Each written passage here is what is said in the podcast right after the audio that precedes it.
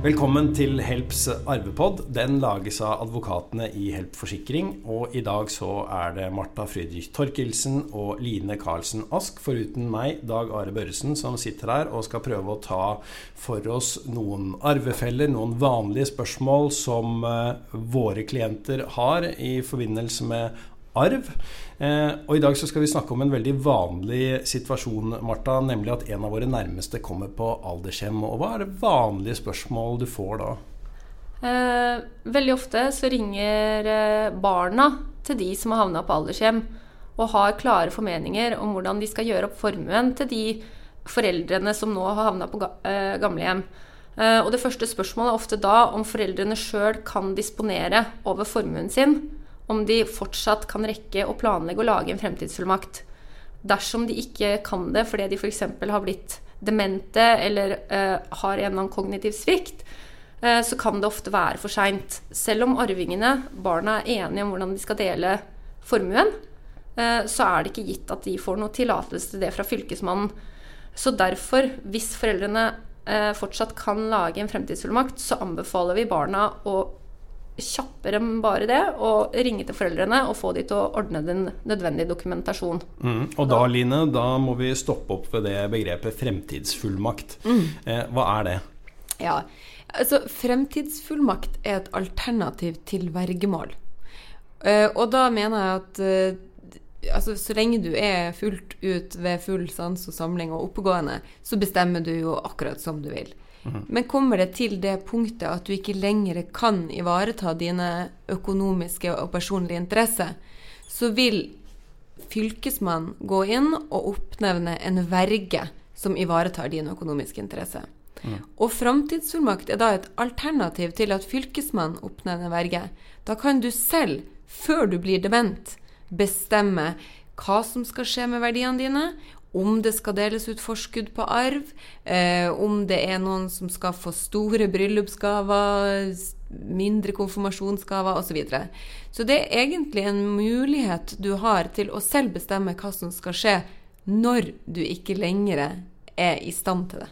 Men betyr det, Marta, at eh, vi får veldig mange henvendelser eh, i saker hvor det egentlig er for sent? Da, fordi at foreldrene har allerede havnet på aldershjem og kanskje ikke er i stand til å lage den fremtidsfullmakten lenger?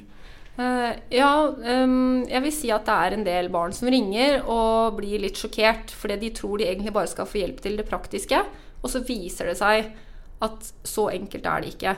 Uh, men uh, da er det jo litt uklart for oss om disse barna egentlig vet eh, foreldrenes tilstand egentlig. Så de blir oppfordra til å da ha en åpen dialog med sine foreldre.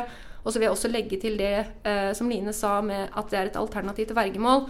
Fordi når man blir verge, så får man ofte likevel ikke tillatelse av Fylkesmannen til å realisere foreldrenes verdier og dele det ut som forskudd bare til seg selv. Så det er en vesentlig forskjell. For i en fremtidsfullmakt så kan foreldrene bestemme at vet du hva, når jeg havner på gamlehjem og ikke trenger denne huset mer, så vet jeg at barna mine trenger de pengene. Så jeg vil bestemme allerede i dag at når det skjer, så skal huset selges, og de skal få x antall kroner hver. Det er ikke rett fram for en verge å kunne bestemme. De har faktisk ikke adgang til det. De må søke Fylkesmannen og kan risikere i stor grad å få nei. Mm. Ikke, ikke, nei kanskje til selve salget, men nei, nei til å dele ut forskudd på arv. Ja. Fordi det er jo sånn at hvis et hus blir stående uten at det blir leid ut, så har det behov for vedlikehold. Eh, blir det leid ut, så får du leieinntekt, som igjen eh, blir betaling for sykehjemsplass, eller i hvert fall deler av det. Mm. mm. Så mange ønsker å realisere, men pengene blir stående på, på konto. konto til eier. Og det er ofte noe foreldre egentlig ikke tenker så mye om. De tenker ja, arven min er det jeg etterlater meg når jeg dør. Men i Norge i dag så lever jo folk veldig lenge, mange år på gamlehjem, uten å kunne nyttiggjøre seg. Og jeg vet i hvert fall at mine foreldre kommer til å ønske at jeg og min bror da så tidlig som mulig, når de ikke selv trenger formuen, kan eh, ha en glede av den. da. Mm. Så hvis de da skriver Vet du hva, når vi er eh, ute å kjøre, for å si det sånn, selg alt vi eier og har, og kos dere med pengene. Vi trenger det ikke. Mm. La det være en 100 000 til portvin på gamlehjemmet til oss. Ja, så Det er mange gode grunner til å eh, lage en fremtidsfullmakt mens man ennå er ved sine fulle fem. Eh, skal vi ta litt eh, kort om hva fullmakten skal eh, inneholde?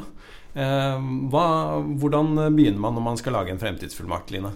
Ja, altså Fullmakten eh, Det er jo en del formkrav til en fremtidsfullmakt. Og det er bl.a. at det må framgå at det er en fremtidsfullmakt. Det må være to vitner som bekrefter at du er ved full sans og samling. Det er helt avgjørende for gyldigheten av den. Eh, vi anbefaler normalt også at fastlegen eh, signerer på at du er ved dine fulle fem eh, og ved full sans og samling, eller at det ligger tillegg da, fra fastlegen, sånn at det ikke blir et spørsmål. For ofte så opprettes jo den fullmakten veldig seint, Um, og da kan det bli spørsmål i etterkant om du gjorde det før eller etter sykdommen kom, da. Mm. Og hvis jeg ikke får den, eh, det stempelet fra fastlegen, eh, hva skjer med fullmakten da? Hvis vitnene signerer på at du er ved full sans og samling, og så sier fastlegen at det var du ikke, eh, da kan det jo bli et problem å få den stadfesta av Fylkesmannen.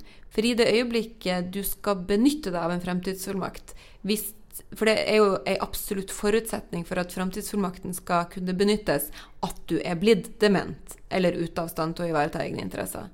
Når den dagen kommer at du er helt ute av stand til det, så må man gå med framtidsfullmakten til Fylkesmannen og be om at den blir stadfesta av Fylkesmannen.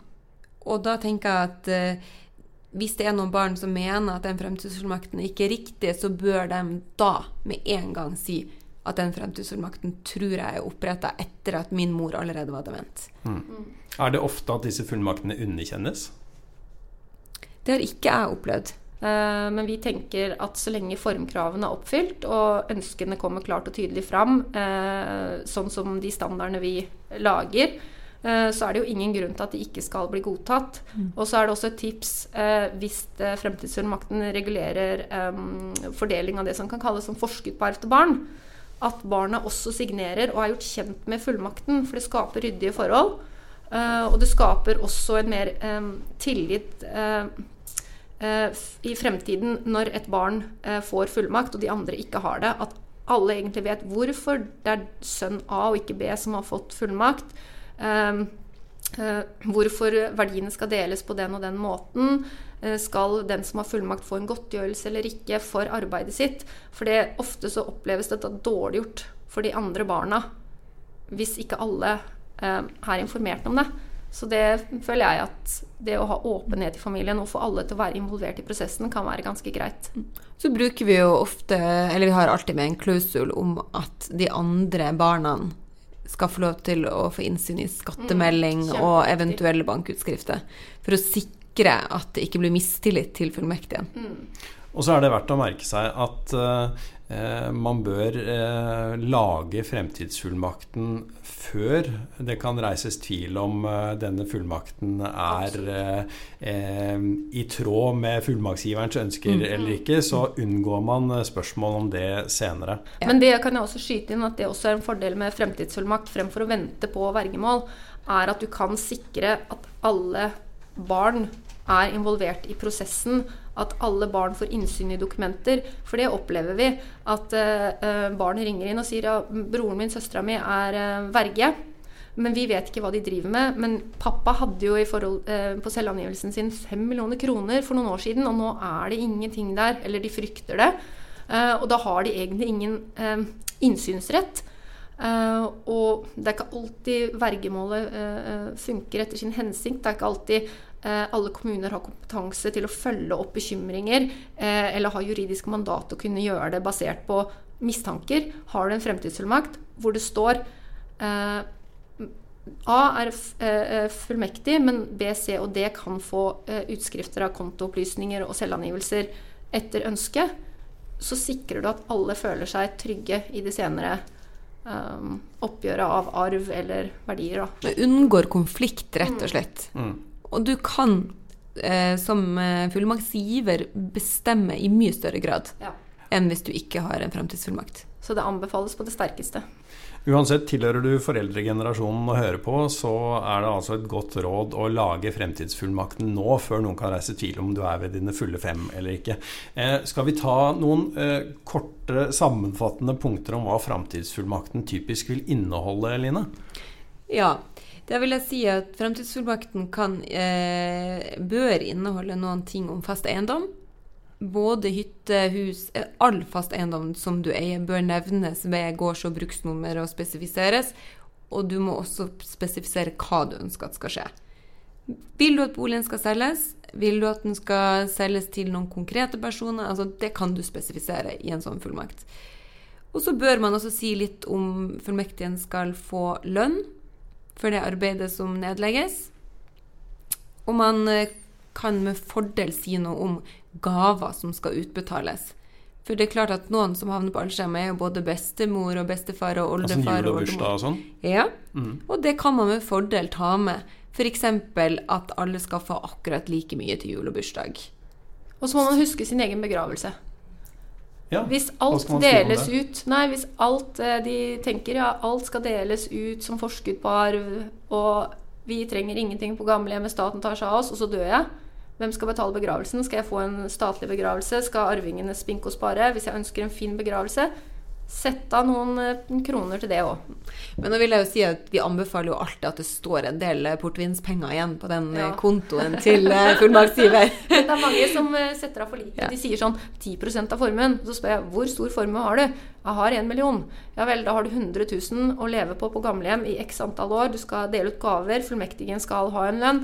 Hvor mye tror du det er igjen til den begravelsen eller til de gavene? Så man bør også ha et reflektert forhold til hvor mye har man egentlig formue før man bestemmer hvor mye man skal sette av til diverse formål, og hvor mye man egentlig trenger å gi bort- bort som forskudd på arv.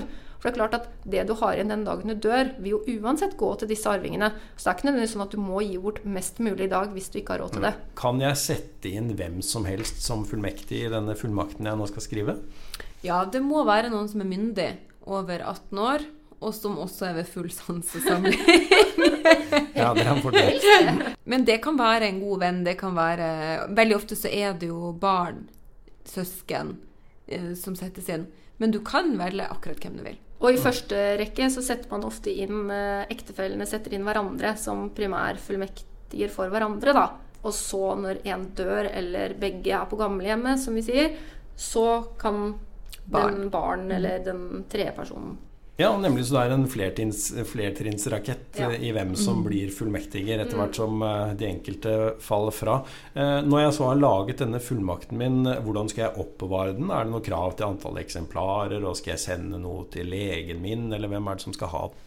Ja, da er det jo sånn at det fins ikke noen mulighet for å deponere det i tingretten, sånn som man gjør med testamenter, eller sende til Brønnøysund, som vi gjør med ektepakter. Men det du bør gjøre, det er å oppbevare det på et trygt sted. Du må i hvert fall ha originalen på et trygt sted, og opplyse flere enn bare deg selv om hvor Ja. den er. Flere. Absolutt. Mm. Og gjerne en kopi et eller annet sted. For det har vært tilfeller i andre saker hvor arvingene ringer inn og sier at det var testament, men eh, kanskje et søsken har kommet inn og brent det. Nemlig. Eh, Når trer fullmakten i kraft? da? Altså når, når det blir behov for den, hvordan trer den i kraft? Da må man få fastlegen til å gi en uforbeholden uttalelse om at du ikke lenger er ved full sansesamling. Og det skriver jo ofte i framtidsfullmakten at fullmektigen har lov til å innhente den uttalelsen fra fastlegen. For det er jo ikke sånn at man bare kan gå til en fastlege og be om det i hytte og gevær. Og så innhenter du den uttalelsen, og det må være helt, helt sikkert at du ikke lenger er ved full sans Og, og da går du til fylkesmannen med legeerklæringa, med fullmakten, og ber dem stadfeste fullmakten. Og da eh, sender som regel fylkesmannen direkte beskjed til Kartverket om at du er fullmektig, sånn at du kan signere på skjøter og gjøre de disposisjoner som er nødvendige overfor Kartverket hvis en eiendom skal selges, f.eks. Mm. Jeg tenker vi lar det være nok for fremtidsfullmakt i denne omgang. Takk for at du hørte på.